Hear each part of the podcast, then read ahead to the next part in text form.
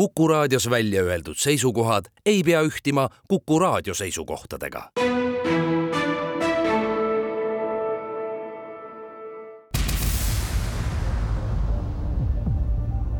käsi pulsil, pulsil, pulsil, pulsil. tere ja head lähenevat vabariigi aastapäeva kevad hakkab tulema ja see saade samuti tuleb meil natukene tiu-tiu ja teisiti, sest mu kaassaatejuht Kalle Muuli asemel istub mu vastas Postimehe majandusajakirjanik Liina Laks ja mina olen Martin Ehala, tere! tere päevast! ja siis meil tuleb täna ikkagi rahast juttu, kuna ma siin majandusega rohkem tegelen ja esimeseks teemaks on meil siis Eesti toetused, et toetuste hooaeg on alanud ja siis on ka selgunud väga põnevaid tõsiasju, et siin rahvas peab nüüd elu eest pingutama ja siis ajaga võidu jooksma, sest et muidu on läinud kõik need miljonid ja miljardid, mis meile on Euroopast ja mujalt ka kokku lubatud. Just, ja jätkame sealt ikka samamoodi maksude ja rahaga, et vaatame, kuidas siis kliimaseadus mõjutab meie maksukoormuse tõusu, kui palju peame kukrut kergendama selle, selle tõttu ja natuke tuleb juttu ka sellest, et kas siis see Brüsselist tulev rohepoliitika hakkab pehmenema ja kuna on ka vabariigi aastapäeval lähenemas, siis räägime ka sellest, kas ka Eestis mingisugused poliitilised tuuled hakkavad rahva osas nagu pehmenema jah, ja nagu ikka, on meil saates ka nädala pärl, mis jääb üllatuseks ja lõpetame sellega, et et vandeadvokaat Jüri Raidla kirjutas Postimehes paar päeva tagasi sellest, et parlamentaarne kriis vajab seadusandlikku lahendust ja Postimees kirjutas sel teemal ka juhtkirja. käsi pulsil, pulsil nii, võtame siis esimese teema toetustest ja, ja nende toetuste kohta on äh, päris mitmesuguseid andmeid ja mitmesuguseid arenguid. Näiteks eelmisel nädalal äh, vallandus lausa arutelu, kui sotsiaalkaitseminister Signe Riisalu Reformierakonnast tõi esile, kuidas suurpered moodustavad peredest neliteist protsenti ja saavad nelikümmend protsenti peretoetustest ja, ja siis te, tuli kohe ridamisi vastuartikleid, aga algas ka tuludeklaratsioon, deklaratsioonide esitamine, mis on meil ju päris rahvuslik sport, eh, sest on mitmeid maksusoodustusi, mida saab riigilt tagasi küsida. aga nüüd on niimoodi, et nii mõnigi selline soodustus kaob järgmisel aastal ja kõige olulisemana kaob näiteks laste pealt eh, saadud tulumaksu tagastus, mis teise lapse pealt oli tuhat kaheksasada nelikümmend kaheksa eurot ja kolmanda pealt eh, kolm tuhat eurot ja nii edasi ja see on üleüldse kõige suurema mahuga tagastus eh, riigieelarvele siis sada seitsekümmend miljonit eurot, aga teiselt poolt jälle antakse soodustusi ja toetusi, et varsti läheb lahti KredExi eh, väikeelamute rekonstrueerimise meede mahus kakskümmend kaheksa miljonit eurot ja ja plaanis on sealt siis eh, renoveerida üheksasada maja, aga nagu Delfi kirjutas, see tuleb teha kõik hoogtöö korras. Ja nüüd ongi nii, et nagu heaoluühiskonnas on ju üsna loomulik, et, et igasugustel toetustel on suur roll, aga aga praegu jääb ka selline mulje, et need toetused on just nagu muutunud relvaks poliitiliste jõudude käes, et saavutada populaarsust oma valijaskonnas või viia siis mingisuguseid poliitikuid, poliitikaid ellu. Et, et kas me ei ole äkki mitte liiga üle orienteerunud toetuste peale vot sellega on nii ja naa, et kui sa mind mainisid, vaata seda lastetoetuste osa, mis nüüd siin ära kaob just tulu tulumaksu tagastuse osas, äh, siis äh, see on nagu hästi huvitav, et kui valitsused armastavad välja tuua, et Eesti maksukoormus on hästi madal ja vaata, mis mujal riikides makstakse, siis see tegelikult seda unustatakse ära, et Eestis need tulumaksu tagastused ja maksusoodustused on ka ikka noh, väga-väga tagasihoidlikud. et muudes riikides jah, sul see maks võib olla kõrgem, aga see, mis sa saad selle tuludeklaratsiooniga tagasi, see on ikka päris, päris pöörane summa. ja tegelikult äh, Eestis ka vist lastega perede jaoks see, laste pealt saadav raha siis oli ka vist kõige suurem asi, mis sa võisid üldse tagasi saada, et ma tuttavate pealt tean ka, et noh, seal ikka tuhanded tulid, et noh, abiks ikka mm. -hmm et okei okay,, siin on nüüd öeldud, et jaa, et näed, sa saad siin selle pensioni teise ja kolmanda ja muude sammastega siin natukene trikitada. Ja tegelikult kolmandas sambas on ju see, et sa saad selle tulumaksu tagasi ja kui nüüd kaks tuhat kakskümmend viis tulumaks tõuseb siis kahekümne kahe protsendi peale, et siis sa saaksid justkui nagu rohkem, aga noh, ikkagi on hea kohe rohkem tagasi saada riigi käest, et sa selle annad. aga mis puudutab seda, et jah, et meil on nagu see toetuste ühiskond, see on nagu hästi veider ka, et meil on hästi-hästi suured toetuse potid et mulle, ma siin väga kiidan häid kolleege siis Delfist ja Ekspressist, kes on sel nädalal kohe mitu lugu sellega maha saanud, et siin toodi ka välja, noh, Eestis nende toetuste üks põhiprobleem, et meil on hästi palju asutusi, eks ole, mis jagavad toetusi, et igasugused EISA-d ja KredEx ja nii edasi. et see toetuste jagamine ei ole tasuta, et kõik nad ise söövad ju, kõik need jagajad ise söövad kaasa, eks. ja siis äh, siin ongi nagu tekkinud selline olukord et äh, siin on nüüd äh, niinimetatud rekonstrueerimistoetust pakutakse siis äh, noh, peredele, kes tahavad oma maja korda teha, mis on väga hea, et noh, sa saad raha, et ega kõik me teame, praegu ei ole üldse odav seda teha ja siis nagu, aga ega see ei ole ka niimoodi, et sulle nagu visatakse niisama see ja hakka ka tegema, vaid sa saad seda teha ikkagi niimoodi, et sul peab olema, olema oma osalus, sa, sa pead ise tegema projektid ja kõik asjad. sa mõtled, et see on veel hea, aga ei ole, sellepärast et see, need on, tehakse eurorahadega ja eurorahad tähendab seda, et nelja aastaga tuli ära ka noh, siis kulutada. Ja umbes kaks pool on sellest ju läinud ja siis noh, siiamaani ei ole kulutatud, miks ei ole kulutatud, sellepärast et kaks pool aastat on põhimõtteliselt ametnikud süganud äh, siis mida iganes seal ja lihtsalt pannud seda nii-öelda meedet kokku. Ja kes iganes on teinud Eestis neid ehitusprojekte, teab, et teha projekt, hakata otsida ehitaja, ehitada niimoodi, et sa jääd projekti ja mitte midagi ei muutu, et see on noh, põhimõtteliselt äh, võimatu ülesanne, et sama hästi sa võiksid tahata mingit maailmarahu siin saavutada ühe päevaga. jaa. Äh, see on mulle äh, väga tuttav, ma küll ise ei ole renoveerinud midagi, aga tõesti, mu poeg äh, eelmise vooruga renoveeris oma kodu ja no see bürokraatia on ikkagi silmapaistev, et need kooskõlastused, mis tuli saavutada, et nagu põhimõtteliselt iga ametnik on, on seadnud mingisuguse tõkke, mis tuleb ületada, noh tõenäoliselt nad seal mõtlevadki niimoodi, et see on kõik vajalik, et ohutus oleks tagatud, et inimesed ei teeks iseendale liiga, et noh, see, see suhtumine tegelikult mulle käib natukene närvidele, et kui riik arvab, et tema peab nii palju reguleerima selleks, et me iseendale viga ei tee või et, et äkki midagi ei juhtuks, siis siis ma mõtlen ikka, kas see, see on seda kõike äh, väärt ja siis teine asi ka, ma mäletan seda kirjavahetust, millest äh, poiss rääkis, et kuidas nagu vastatakse mingisuguse kuu aja jooksul ja siis see vastuskiri on, on umbes kaks kilomeetrit pikk ja seal on kõik igasugused juriidilised nüansid, seda tausta on nagu tohutult põhjalikult kirjutatud. aga mida siis... nad tahavad, sellest ikka aru ei saa. ja ei no võib-olla see on, siis on seal üks lause, mis, mis siis ütleb see sellele, et, et ainult noh, ühesõnaga seda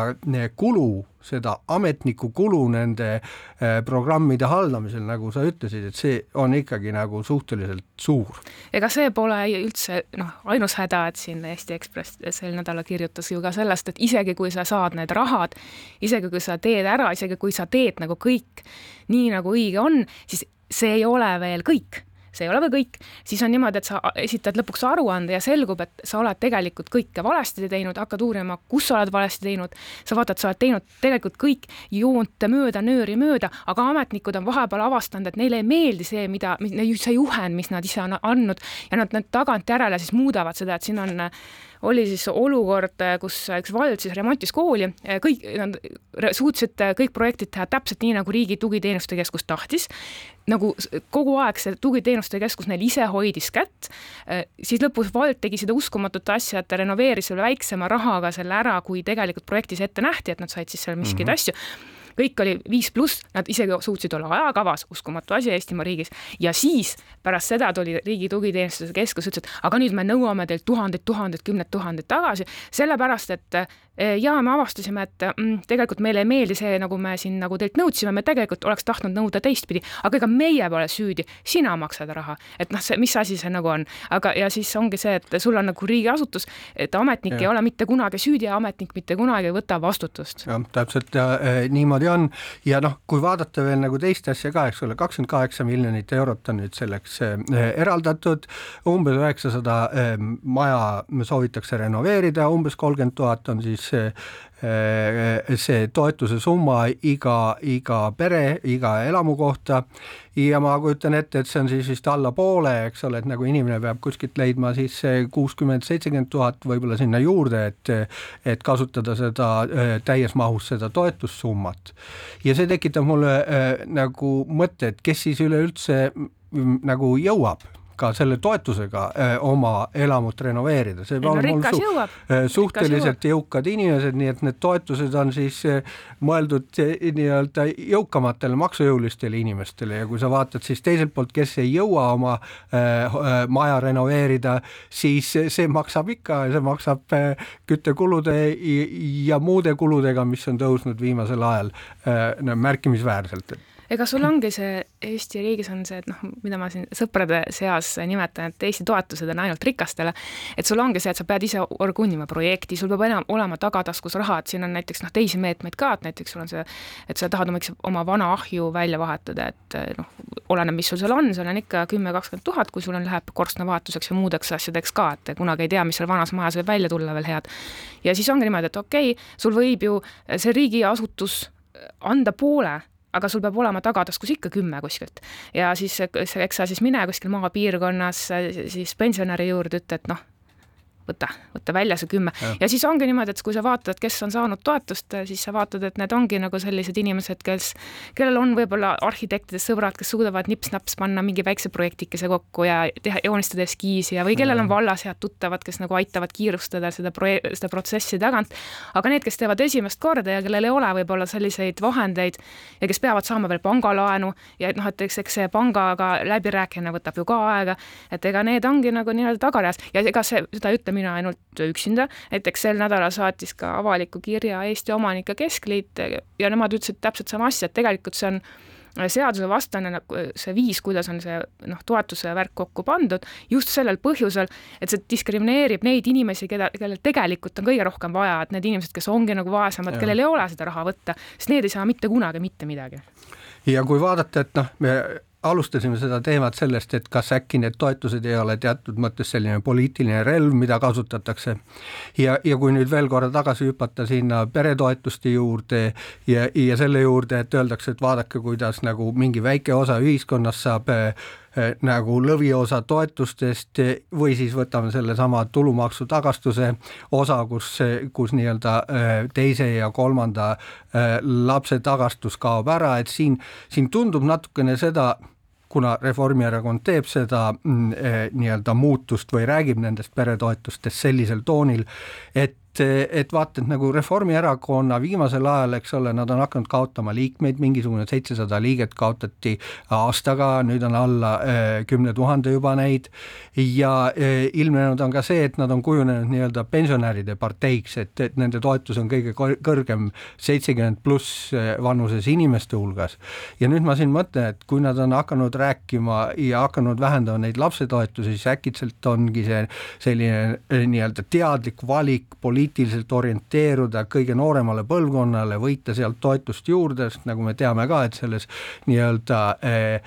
Z-generatsioonis ehk siis need, kes on nagu kakskümmend pluss aastat vanuses, et, et nende, nende nii-öelda elu väärtushinnangutes pere loomine, lapse saamine on veel kuskil kaugel-kaugel ja osadel üldse ei ole, et võib-olla siin me näeme ka samamoodi, et ah, meil oleks nagu vaja seal toetust suurendada ja me nüüd ah, mingu need nagu peretoetused, need on niikuinii Isamaa mm, valijad, et eh, lükkame need kõrvale ja keskendume sinna, kust me tahaks saada natukene rohkem Äh, siis äh, juurde toetust, aga ma arvan, et teeme siin praegu ühe reklaamipausi.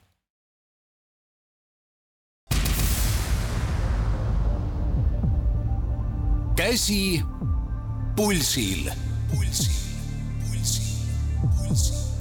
Tervist, saates on Martin Ehala ja Liina Laks ja nüüd siin Martin lõpetas eelmise poole sellega, et näed, siin Reformierakond äh, tahab siin endale uusi valijaid võita kõikide nende peretoetuste ja asjade siin natukese kaotamiste ja värkidega, aga ma siin vaidleksin nagu väga vastu, sest tegelikult kui vaadata, kes on valitsuses ja mis on noh, kui ma, mina kui siin pean majandust ja rahast kirjutama, siis lihtsalt mulje jääb selline, et tegelikult ega vahet ei ole, sa võta üks ja viska teist, et seal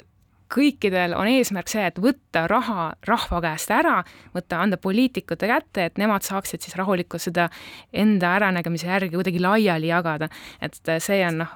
mul on nagu selline võõras mõte, et ma siin olen kõik, kõikide selliste asjade vastu, et inimestele võiks mingi raha ikkagi kätte jääda lõpuks päeva lõpuks, et ei tasu kõike nagu riigile kah anda aga siis äh, saame siin kohe järgmise teemaga edasi minna, et ka puudutab see raha, et äh, meil on siin kõige, kõige popim asi, mis on viimast, viimase aasta jooksul on käsil, on siis niinimetatud kliimaseadus, mis, mida, millest keegi ei tea mitte midagi.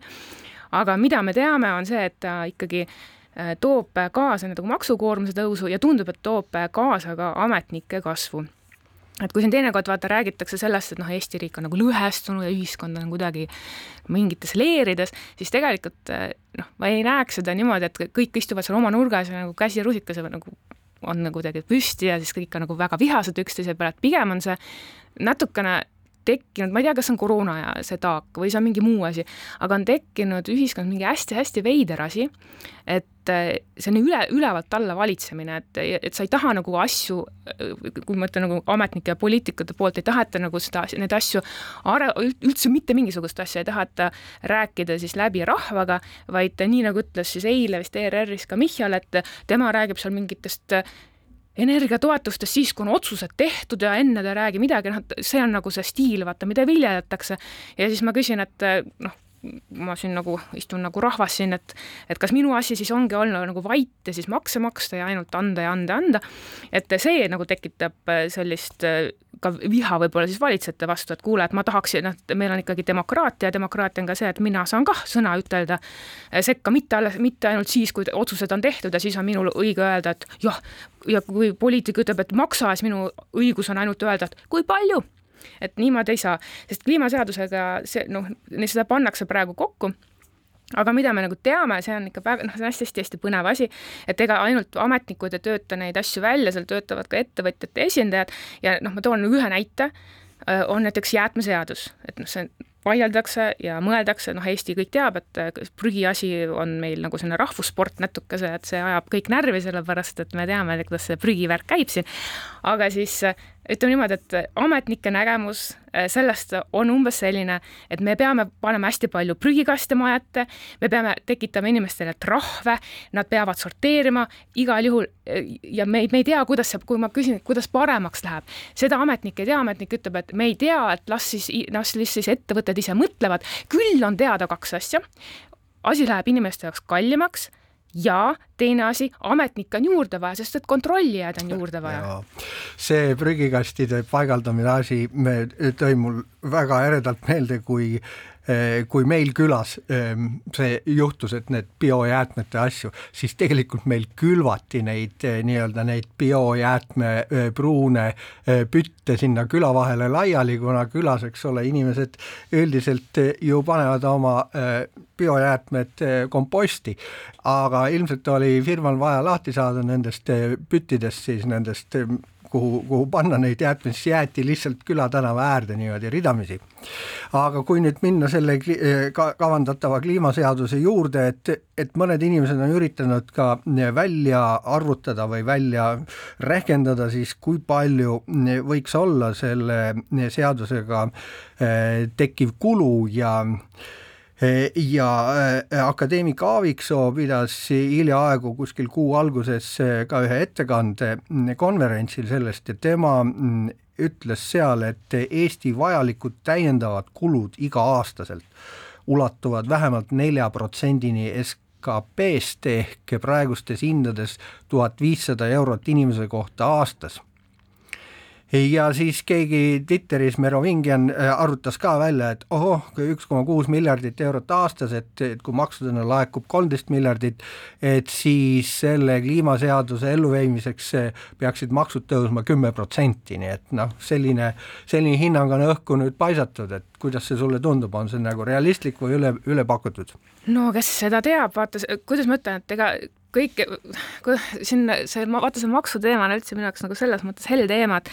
me räägime, et meil on vaja maksu tõsta, meil on vaja siin raha ja meil ei ole siin raha ja meil on vaja kuskilt see saada, sest et näed, siin see tuleb see ehitiste direktiiv ja kolme, kolmekümne miljardi eest me peame renoveerima Eestis maju ja värke. ma ütlen, et me võime ju teoreetiliselt maksud tõsta ka saja protsendini sissetulekutest, aga kuhu see raha läheb, vaata, ja mis sa selle eest saad, et lõpuks on ka see, et me räägime mingisugusest ähmasest eesmärgist, et mingisugune CO2 protsent, aga keegi nagu ei suuda mulle seletada, võib-olla ma olen liiga loll, et ma aru saa-, saada sellisest kõrgelennulisest mõttest, et mis minu jaoks, kui ma selle asja ära teen, mis reaalselt minu elukvaliteedis paraneb. et enne kui me ei räägi sellest inimestele, et hei, kui sa teed selle asja ära,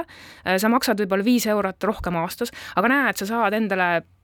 asja X ja inimesed ütlevad, et oo, see asi X on nii hea asi, et ma olen valmis viis eurot maksma, nii võib. On ju teada, mis see asi X on, see asi X on süsinikuneutraalsus. et see on see, see kõik, mille, mille nimel see eh, tehakse. Ja noh, kui mõtleme, et kes siis selle kinni maksab, et Eh, eriti hoonete ja transpordi süsinikuheite maksustamine, mis on, eks ole, kavas, hoonete ja transpordi, see tähendab, et see, mis sul korstnast välja tuleb või või mis iganes muu viis, kuidas su hooned seda emiteerib või kuidas su transport seda emiteerib, et see läheb ju lõppkokkuvõttes ikkagi kodukulude arvele, see läheb lõpptarbijale, nii et lõpptarbija maksab selle eh, CO2 eh, neutraalsuse kinni. ma maksan põhimõtteliselt õhu kinni, kui noh, ütleme siis ma, kui kuigi see, okei okay,, see kõlab väga halvasti, aga ütleme, noh, ütleme, toome mingi teise näite, sa mainisid transporti, kus me kõik ütleme, et jah, et kas me saame asju teha paremini Eestis ja jumala eest, absoluutselt, saame teha asju paremini. kas me tahame paremat õhku Tallinnas? jah, tahame. mis ma näen siin, kui ma vaatan neid transpordi igasuguseid ettepanekuid, on see, et öeldakse, et nii, Tallinn-Harjumaa annavad siis igasugusest sellest transpordi heitmest umbes viiskümmend protsenti, mis on loogiline, et inimesed mm -hmm. elavad siin noh, töökohad on siin, ega ma ei näitagi näpuga mis on väga okei okay. ja siis hakkab, siis mis terve mõistusega inimene ütleb, et okei okay,, mis teha, et vaatad teisi riike, kuidas on tehtud, seal on näiteks selline asi nagu ühistransport äh, töötab, et sa, sul ongi niimoodi, et sa astud ühest kohast raamilt maha või rongilt maha, kaks minutit ootad, tuleb järgmine ja noh, sul on nagu see asi on pandud äh, siis nagu niimoodi normaalselt käima. Tallinnas seda miskipärast ei ole, siin on toodud miljon ja mustmiljon põhjendust, miks ei saa siin kuidagi midagi teha. ma toon näite, et on olemas selline linn nagu Šveits, siis vabandust, Šveitsis on linn nagu Zürich, jumala eest, ma siin olen nii Šveitsi lainel juba, õele külla minna, aga aga siis äh,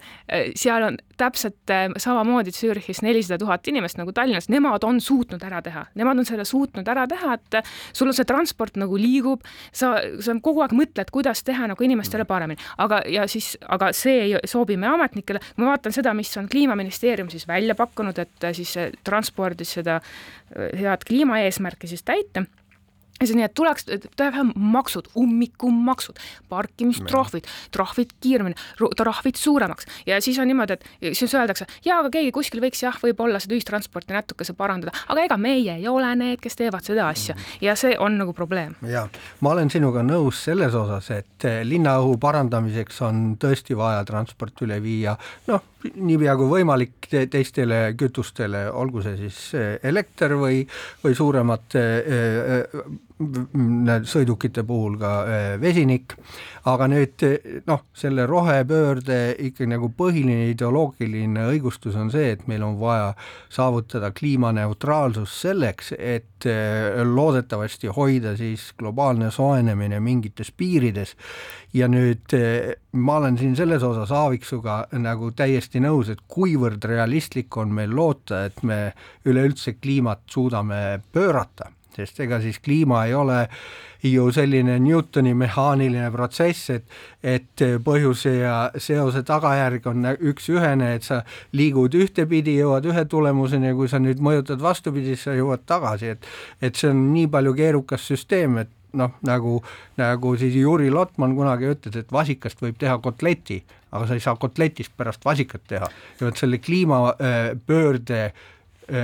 kliimamuutuse tagasipööramisega on minu meelest nagu sama utoopiline, kui teha kotletist vasikat. vot see on nagu nii, ma ei oska sellest viimast nagu palju rääkida, küll ma ütlen, et jah, et on väga mõistlik teha teatud asju Eestis paremini, nagu näiteks transport, riigikorraldus, jumala eest, saab teha paremini, aga mis mind häirib, on see, et ametnike, poliitikute asi number üks, kuidas seda teha, trahvid, maksud, karistused, karistused, karistused, selle asemel, et öelda, et hei, äkki me saame Tallinna transporti natukese teistmoodi muuta ja pöörata ja ongi pool asja juba tehtud. väga hea, aga teeme siit praegu reklaamipausi.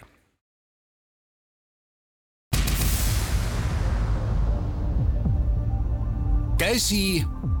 pulsil, pulsil, pulsil, pulsil tervist tagasi, saates on Martin Ehala ja Liina Laks ja kui me siin eelmine rääkisime natuke siin nendest kliimaseadustest, siis Martin kohe küsis, et kas siin Brüsseli rohepoliitika hakkab pehmenema ja võime kohe öelda, et ei hakka, et poliitikast tuli just äsja uudis, et kui algselt oli siis seal EPP parteigrupis, et seal, mis on Europarlamendis suur grupp, nad tegid siin eelmine aasta ettepaneku, et ikkagi äkki ei tasu teha seda asja, et lõpetada siis sisepõlemismootorite, aga autode kasutamine aastal kaks tuhat kolmkümmend viis ja nende müük, äh, siis nüüd äh, von der Leyen nähtavasti poliitiku andmetel käis äh, jõuliselt käsi väänamas seal poliitikutel ja siis nad võtsid selle asja maha, et ikkagi tahetakse siis ikkagi see asi ära keelata, kuigi nüüd mingi, eks nad seal vaidlevad, et ega kõik see otsus ei ole käes, et kaks tuhat kolmkümmend viis on meil kaugel, et siin võib veel palju asju juhtuda aga siis äh, võime ka rääkida sellest, kas, kas Eesti poliitika hakkab pehmenema, et siin on saanud sel, eelmisel aastal äh, siin rahvas päris häid uudiseid ka valitsuse käest, et mida kõike on võimalik veel juurde maksta. et natukene nendest kliimatasudest ja erinevatest maksudest oli juttu, et siis järgmine aasta ootab meid ka siin tulumaksu tõus ja ootab meid siin automaks ja et päris palju nagu asju tuleb, et selle, seda põhjendatakse laias laastus sellega, et äh, riigil pole raha, et teha asju.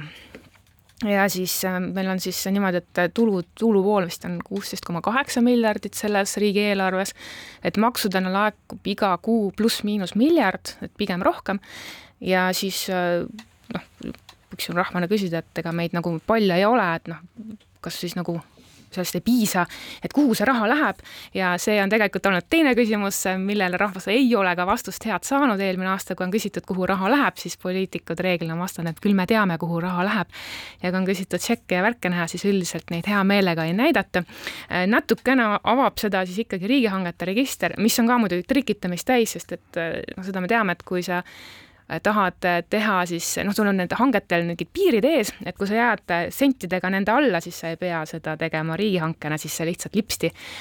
vaikselt lipsab sul läbi ja sa saad igasuguseid põnevusi sinna oma kuludesse kirjutada. aga kui sa vaatad, et noh, et mis on need vältimatud kulud olnud viimastest kuudest, mis on riigieelarvest siis läinud, mida kohe ei ole saanud nagu mitte tegemata jätta, et mille jaoks, mille nimel on siis vaja neid makse olla tõsta, tõsta, siis ma loen nagu mõned ette mis on siis ilma jäänud, et äh, näiteks siin Välisministeerium ostab siis kahe poole miljoni eest strateegilist kommunikatsiooni. Ja siis on meil siin äh, noh, kommunikatsioonihanked on üldse hästi palju, hästi palju reklaami, siis näiteks Kliimaministeerium siin hiljuti sai maha hankega, et kuidas noh, siis kui on vaja kuuekümne viie tuhande eest osta ametnikele juhendmaterjali ja siis noh, mille puhul muidugi võiks küsida, et kuuskümmend viis tuhat, noh, mis see ikka Eesti riigieelarves, aga samas võiks küsida ka, et noh, seal ikkagi need ametnikud töötavad, et noh, miks nad ise ei pane endale kokku juhendmaterjali. ja siis selliseid äh, asju on nagu päris palju. Ja üldiselt, äh, kui siin poliitikud räägivad, et jah, makse tuleb tõsta ja neid makse mõeldakse üldiselt suure kiiruga välja, seda kärpe poolt ei ole väga palju ka kuulda olnud. Et iga kord, kui sa räägid ajakirjanikuna kärpimisest, siis noh, poliitik ütleb sulle kaks sõna päästjad ja õpetajad, äh, aga miskipärast nad ei taha ja siis ütlevad, et ametnikke raudselt, raudpolti ei saa kunagi kärpida, sest äh, noh, nagu me kuulsime siin kliimaseadustega, et pigem on plaan neid nagu juurde tekitada. Ja kui vaadata sedasama noh, nii-öelda kliimapoliitika muutust või üldse kliimapoliitikat Euroopa Liidu tasandil ja Eesti tasandil, siis kui kuskil midagi eh, muutuda saab, eh, olgu siis ühele poole või teisele poole, ehk siis pehmemaks või, või karmimaks, siis siis saab see muutuda Euroopa Liidu tasandil, et ainuke, mulle on jäänud mulje, ainus, mis Eestis saab muutuda kliimapoliitikas, on see, et Eesti ametnikud saavad sellele vinti peale keerata. aga seda loota, et kui Euroopas on mingisugune kliimapoliitika, et siis Eesti üritaks seda nagu kuidagi pehmemalt rakendada või vähem rakendada, ma arvan, et mul, mul ei ole nagu kogemust või ma ei ole nagu sattunud lugema, eh, kuidas Eesti ametnikud nagu võitleks eh, eh, siis selle vastu, et mitte kõige pöörasemaid Brüsseli ideid rakendada, nagu võib-olla omal ajal võideldi Moskva hullude ideedega aga kui, kui vaadata nüüd korraks veel sinna samasse Euroopa Liidu tasemele, siis eh, Ursula von der Leyen eh, plaanib eh, tagasi kandideerida. Ja ma arvan, et see, mis see viimane uudis täna oligi, kuidas sisepõlemismootoriga autode nagu müügi lõpetamise lõpetamine aastast kolmkümmend viis, et seda tahetakse nüüd ümber pöörata, see on tegelikult Ursula von der Leyeni nagu suur idee olnud, tema on selle äh, rohepöörde äh, suur eestkõneleja, ta on üleüldse väga suur administreerija olla, kui vaadata näiteks tagasi tema äh, valitsemisajale, siis ta on üks üsna silmapaistvaid Eh, Euroopa eh, Komisjoni president selles osas, mida ta kõik teinud on, aga paraku see, mida ta teinud on, eh, on viinud bürokratiseerimise suurendamiseni ja on küllalt analüütikuid, kes ütlevad ka, et tegelikult ta kägistab Euroopa majandust päris jõhkralt. No võtame kas või see suur laenamine, mis oli koroona ajal, või siis vaatame hiljem selle roheleppe tingimusi, mis mille vastu põllumehed nüüd väga protestivad, eks ole. et eh, nüüd küsimus ongi, kas siin, kas Euroopa äh, hakkab muutuma kriitiliseks rohepoliitika vastu või on need lihtsalt sellised väiksed pinnavirvenduslikud meelelahutused, mis hääbuvad ära? no põllumehed protestivad juba näiteks Saksamaal vist juba mitmendat kuud, et selle nii-öelda rohepoliitika vastu, noh, meie omad on nagu noh, nagu eestlased ikka ei viitsi nagu tänaval käia, aga ma ütlengi, et tegelikult noh, ütleme, sa, see on see, et sa võid, elus on kõike teha ja sa võid igasugust poliitikat viljeleda, aga mis noh, mis tegelikult inimesi ka Euroopa Liidu, see mitte ainult Euroopa Liidu, võib-olla ka rohkem valitsuste vastu pööravad, kui ma vaatan oma sõpru, kes elavad teistes Euroopa Liidu riikides. Ja mida siis noh, mis see meeleolu on, on see, et millest neil on kõrini on see, et äh, poliitikud ei kanna vastutust, vaata. et vastutus on ainult rahval, et va, nagu ra, siis tavainimene, tema peab maksu maksma, tema peab äh, trahve maksma, kui tema teeb midagi valesti, noh, näiteks ma, no ütleme, et ma toon täiesti jabura näite, aga Eestist jällegi, kuna tulumaksu äh, siis deklaratsioonide aeg on, et kui sina teed vea tulumaksu deklaratsioonis või noh, oled ettevõtja, ma ei tea, jätad midagi esitamata, siis sa saad kohe selle riigi intressi endale kaela, mis on ka okei okay,, noh, et sa oled midagi valesti teinud ja noh, maksad ära. vastupidi, seda, seda nagu vastupidi ei ole et kui sinu ametnik käib välja veksli, no näiteks see Riigi Tugiteenuste Keskuse case, kus nad ütlesid, et jah, see, mida ütlesid vallale, et see, kuidas te seda toetust taotlete, on okei okay, ja pärast nad ütlevad, et ei ole okei okay,, aga nemad ei vastuta. või on näiteks eelmise aasta lõpus oli vist see PRIA juhtum, kus PRIA ei saanud seal hakkama vist aasta lõpuks nende toetuste väljamaksmisega, et mingid asjad jäid maksmata siis oli ka see, et ma küsisin ka, et noh, et kuidas siis on, et kui, kui mina noh, kui põllumees või keegi jääb ju siis riigile võlgu, et siis ri, noh, tema peab ju maksma intressi, et kas siis ka PRIA maksab siis ka oma viivituse eest inimestele intressi, et ei noh, seda loomulikult mitte, eks. et sul on nagu selline väga ühepoolne suhe, et sa tead, et noh, sa, sa nagu tavainimesena oled ainult süüdi ja tohid maksta, aga nagu vast-, noh, vastasest juhult ei tule nagu mitte midagi, et pigem tuleb selliseid õigustusi ja eneseõigustusi ja põhjendusi, et miks see ametnik kunagi mitte mingil juhul ei saa süüdi olla. Ja just see nagu see süüdimatus, et see viskab üle inimestel et äh, isegi kui sa, kui, kui see kommunikatsioon oleks nii, et hei, äh, jah, ma tegin vea, aga kuule, ma püüan elu eest parandada siin ja ja noh, jätame nüüd selle viiskümmend tuhat sinna-tänna, et näed, kool on ju renoveeritud, et kõik on ju hästi, et siis rahvas ju ütleks ka, et noh, vaata ei ole, et ikka juhtub jah, see süüdimatus, sa rääkisid ja et viskab üle inimestel, nüüd küsimus on, et kui ta üle viskab ja põhjusega viskab üle, eh, siis tõesti, miks on nii vähe mingit sisulist ka protesti või, või vastuseisu sellele, et Euroopas tõesti, märkisid õigesti, Euroopas põllumehed eh, mässavad, kohe tõesti võib nii öelda, kui vaadata seda, mismoodi nende meeleavaldused eh, toimuvad ja nad on ka üht-teist eh, saavutanud, et mingisugused, mingisugused maksud kütustele võetakse ära aga Eestis muidugi midagi sellist ei ole, nagu sa ütlesid, meie inimesed on nagu liiga vagurad selles osas. Ainuke asi ja Eesti on ka siin liiga väike, eks Euroopa Parlamendi valimised on tulemas ja, ja meie mõned saadikud vaevalt seal palju muudavad, aga põhimõtteliselt ju üle Euroopa kokku võib ju siiski äkki arvata, et mingil moel äkki muutuvad ka poliitilised jõujooned selles osas, mismoodi sellesse rohepoliitikasse suhtutakse, et see mõju majandusele on ju olnud suhteliselt laastav, ma kuskilt äh, Daily Telegraphist lugesin, et kui, kui võtta nagu Äh, areng, majanduse areng äh, alates kaks tuhat üheksateist, et siis äh, USA SKT on selle ajaga kasvanud kaheksa koma kaks protsenti ja Euroopa Liidus vaid kolm protsenti, eks ole, see on ju üle kahe, kahe korra madalam. Ja mis selle põhjused võivad olla, et, et täiesti tõenäoliselt on ikkagi see suhteliselt karm kliimapoliitika, mis sinna viib, et et kas kas meil on nagu lootust, et siin midagi nagu muutub või, või jätkub kõik samamoodi? see ei ole isegi kliimapoliitika, et pigem noh, ma ei ole nüüd suur poliitikaanalüütik, et ma vaatan lihtsalt sinna, kuhu see euro vaata veereb ja kuidas ta siis mulle tundub, eks. et see on selline kuidas ma ütlen, nende vanade ja praegu võimul olevate siis poliitiliste jõudude soov seda oma võimu kindlustada igal juhul ja siis seda protesti ka maha suruda, et kui vaadata siin noh, ka näiteks eile ma lugesin ERR-ist siis seda äh, Kaja Kallase aastapäeva kõnet, et see on noh, see on nagu täpselt niimoodi, et olge vait ja makske. ja näiteks, mida siis tehakse teistes riikides, on ka see, et äh, näiteks Saksamaal inimesed ka on väga kriitilised äh, valitsuse suhtes, sest et noh, oleme ausad, ega see Saksamaa valitsus on ka noh, praegune, kes seal on, on teinud väga palju väga veidraid otsuseid ja on ka mitu, mitut asja, noh, ta on nagu teinud otsuse, lõpuks on öeldud, et oh ups, me peame ikkagi tagasi võtma, sest rahvas hakkab tänavatele tulema.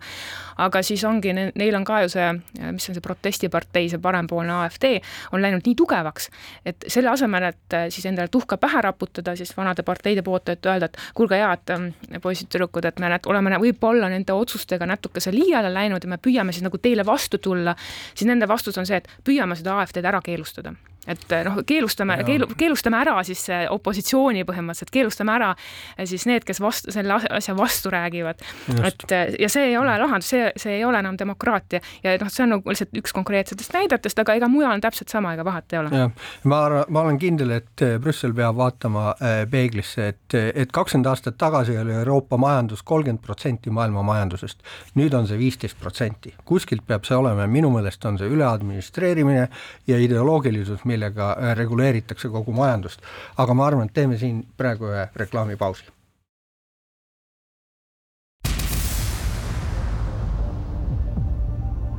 käsi pulsil. pulsil, pulsil, pulsil stuudios on Postimehe majandusajakirjanik Liina Laks ja Martin Ehala ja nüüd traditsiooniline nädala pärl. ja selleks on Riigikantselei plaan arendada poole miljoni euro eest tippjuhtide radikaalse innovatsiooniprogrammi. et need siis saaks, oleks avatud uutele ideedele ja kriisidest võimaluste leidmisele. no kuulge, üks, mis kindel on see, et administreerides innovatsiooni torkida ei ole võimalik, innovatsioon, see on vaba nagu lind, Bill Gates, eks ole, saatis ülikooli kuu peale, läks ja tegi Microsofti. aga bürokraatia loodab muuta bürokraate vabadeks lindudeks, innovaatiline bürokraatia, no see on sisemiselt vastuoluline, umbes nagu elav laip, eks ole, et lihtsalt üks teravmeelne rumalus, nii et, et ma arvan, et see tundub mulle küll väga jabur eks näed, on vaja see pool miljonit sirgeks lasta. et noh, kui, kui sa vaatadki tegelikult noh, viimaste need kuude riigi, riigihanked, mis on seotud kuidagi selliste äh, toreda koosviibimistega, nagu seesama radikaalne innovatsioon või need mingid kommunikatsioonihanked ja kui ma panen siia kõrvale selle, et õpetajad suutsid seal mitmepäevase streigiga välja võidelda mingid närusad viiskümmend, viiskümmend, viis miljonit, viis miljonit ja jumal küll, et noh, lihtsalt piinlik hakkab ausalt öeldes, et sa leiad sellise jura jaoks, palun vabandust, pool miljonit nagu nipsust aga mm -hmm. õpetajate jaoks ei leia, eks et äh, siis ja. ma küsin, et noh, mida me teeme ja kus me teeme ja, siis ma ei saa võtta, ausalt öeldes ma ei saa nagu tõsiselt võtta seda, et meil ei ole riigis raha ja ma ei saa tõsiselt võtta ka seda juttu, et makse tuleb tõsta, et niikaua, kuni meil on neid miljoneid ja miljardeid siin sellise asja jaoks, et mõnusad teeõhtud ja mm. jutustame mingist radikaalsest innovatsioonist, siis kõik on hästi ju. mida, mida me tõstame makse? Äh, tead, tead, miks nad teevad seda, tead, miks neil on vaja raha kommunikatsioonile ja avalikele suhetele ja kõigile sellele. sellepärast, mida sa oled teinud siin täna saates raadios kogu aeg, sa räägid, mismoodi bürokraatia on mäda. Ja selleks, et nad saaksid mingilgi moel seda summutada või loota summutada, siis on neil vaja neid suuri reklaamisummasid, no kas või see Eesti Energia, poole miljoni eest reklaami no sisuliselt, eks ole, milline konkurents meil üleüldse energeetikaturul on, et tal oleks vaja niimoodi ennast reklaamida, aga näed, seda raha on vaja ja sellega nad on siis nagu leidnud, et eh, nii ta on, see on kurblooline, ma ei tea, kui põhjalikult tasub seda üldse kiruda, lähme parem võib-olla järgmise teema juurde kohe üle ka, et eh, ja see on parlamentaarsest kriisist, see kriis on meil ka juba siin kaheksa-üheksa kuud, varsti nojah, kuskil kaheksa-üheksa kuud on ta kestnud, peale valimisi algas ja eh, sellel nädalal kirjutas vandeadvokaat Jüri Raidla, eh, kes on üks Eesti praeguse põhiseaduse eh, loojatest, selle ekspertkomisjoni, parlamentaarse assamblee ekspertkomisjoni esimees oli omal ajal, kes töötas välja põhiseaduse projekti, mis nüüd siis, mis vastu võeti toona. Eh, kirjutas eh, Postimehes nüüd sellel nädalal, et eh, Riigikogu lihtsalt ei suuda iseseisvalt patiseisust välja tulla, et on vaja tupikseisu lahenduseks pöörduda rahva poole. ja põhimõtteliselt, mida ta siis nagu räägib, on see, et põhiseadust tehti omal ajal niimoodi, et loodeti, et poliitikud käituvad oma riigi pidamisel mõistlikult ja ja kuni kahe tuhande kahekümne kolmanda aastani pidas see ka olulises osas see eeldus paika, aga praeguseks on läinud ikka täiesti teistele radadele ja siis Raidla hinnangul on demokraatia kriisis. Ja väljatulemiseks ütleb ta, et kas tiksuv areng, mis tähendab, et mitte midagi ei tehta, see asi vindub ja vindub ja piirab nii-öelda Eesti riigi ja ühiskonna arengut või siis teine võimalus on muutev äh,, arendav äh, lähenemine, mille puhul siis tuleks välja töötada riigiõiguslikud lahendused äh,, arutada need läbi ja ta toob esile ka, et siin selle viimase aastaga ja võib-olla ka pikema aja jooksul on juba kuus ettepanekut tehtud, mismoodi oleks võimalik seadusandlikult ka põhiseaduse muutusega äh, saavutada siis seda, et selline lõpmatu äh, obstruktsiooni ja usaldushääletuse äh, nagu surmaring kuidagi läbi lõigata, et tekiks mingisugune kontroll ja see, mida ta põhimõtteliselt nagu ütleb, mida oleks vaja, et vaja oleks sellist seadusandlikku punkti, eh, kus siis usaldushääletusega tehtud otsustele saaks mingil muul kujul rahvas anda oma hinnangu, et et võtta maha siis selle obstruktsioonilt seda eh, sellist lõputut jätkumist. nii et paljud inimesed on mures, aga noh, kui palju meil on lootust või mis sa arvad, et kui palju on üldse nagu võimalik loota, et Eestis sellele praegusele parlamentaarsele vastasseisule, punnseisule mingi lahendus tuleb? No vot, nüüd sa näed mul suuri silmi, aga ma ei tea, ma, ma ei näe, et seal oleks nagu mingi tohutu tropp ees, et kui ma võtan kõik need dokumendiregistrid lahti, siis mulle tundub, et nüüd uut seadust tuleb nagu need Vändrast saelaud, et et siin noh, ma mingit tohutut punni nagu ei näe, et midagi poleks tehtud üldsegist kõik need kuud, aga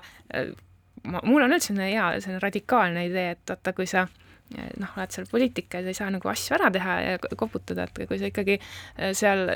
tuled mingisuguse imeliku veidra seadusega, siis võiks olla selline, selline äh, noh, ütleme selline nagu, nagu mängudes on, et see kolmese löögisüsteem, et et esimene kord sa vaata, iga nagu, iga kord, kui sa seal mingisuguse asja sinna viid, mis noh, kas rahva poolt maha karjutakse või siis opositsiooni poolt nii põhjalikult maha karjutakse, sisulise poole pealt just, et sul paned mingi seaduse, kus inimesed ütlevad, et kuule, kuule, siin on nagu nii palju punkte sees, mis on nagu täiesti nagu täis jaburad Äh, siis on niimoodi, et äh, kähku kohe mingi pool palka äh, vähendad, kuni korda teed, järgmise hoiatusega kogu palk maha ja kolmandaga lähed sealt ise, ise lihtsalt ära, et noh, et siis võib-olla see nagu distsiplineerib. Ja siis kõige see, kõige sellisem nagu kõrgem pilotaaž siis rahva poolt on see, et kui ei saa asja korda, siis rahvas kuu aega näiteks mingeid makse ei maksa ja näiteks kogu ametkonnale palka ei maksa, et noh, ütleme, et need päästjad, õpetajad ja meditsiinitööstus saab, kuidas ametnikud saavad ise vaadata, kuidas saavad jah, see on üsna anar-, anarhistlik ettepanek, revolutsiooniline ka. ma arvan, et sellel oleks kindlasti mõju, kui seda oleks võimalik kuidagi rakendada. ma muidugi olen võib-olla natukene kriitiline selles osas, et kas seda rakendada ikkagi on võimalik sellisel kujul, nagu sa välja pakud, aga põhimõtteliselt on sul õigus, eks ole. sul on õigus ka selles, et seadusi võetakse vastu, milles see nagu probleemi tuum on see, et neid seadusi võetakse vastu praegu tegelikult koputades, nagu sa väga õigesti öeldud. Koputades selles mõttes, et usaldushääletusega seal ei toimu mingit parlamentaarset arutelu, muidugi on alati võimalik nagu küsida ja, ja küsimuse alla seada või et kes siis on selles nagu süüdi, kas siis need, kes obstruktsiooni teevad ja sellega esitavad igasuguseid rumalaid parandusettepanekuid ja protsessi aeglustavaid samme või siis need, kes üritavad oma Äh, visiooni läbi suruda ilma igasuguse aruteluta ja vot see ongi see nagu tegelikult selle parlamentarismi nagu häda. ja see on see, mida Raidla üritab, äh, äh, millest, millele Raidla üritab leida mingisugust lahendust, et me saaksime tagasi sisulise parlamentaarse aruteluni. aga tee siis Äh, võid ka võtta mingi hea vana keskaegse nipi, et paned siis nad kuskile pimedasse tuppa kinni vee ja leiva peal ilma palgata ja siis ja nii enne lahti ei saa, kui need on nagu mingi küsimuse ära arutanud. ja, ja siin on sul jälle õigus, aga kes on need inimesed, kes võtab ja paneb nad sinna ruumi kinni, e, et nad ei saaks enne lahenduse teha, selleks on vaja mingit reaalset jõudu. no pane majahoidja, võtme ette. majahoidjast ei ole kasu, eks ole, siin on e, e, tegelikult on vaja kedagi või midagi, mis sunniks neid nagu liigutama, aga praegu ei tundu olevat kuskil sellist jõudu, kes suudaks mingil moel eh, panna neile aru pähe. vaata, kui nemad ei taha liigutada, siis mina ei taha ka makse maksta. kuidas sa saad eh, kuidas sa see, eh, kuidas sa saad jätta maksud maksmata nii, et sinule sellest ei tuleks hullem häda kui neile? ei, mulle muidugi vaata tuleb häda ja siin ongi see vastutuse asi, et mina pean vastutama igast asendist ja iga kell, aga nemad mitte. Nii, aga ma arvan, et siia lõpetame tänase saate, aitäh kuulamast. käsi pulsil. pulsil, pulsil, pulsil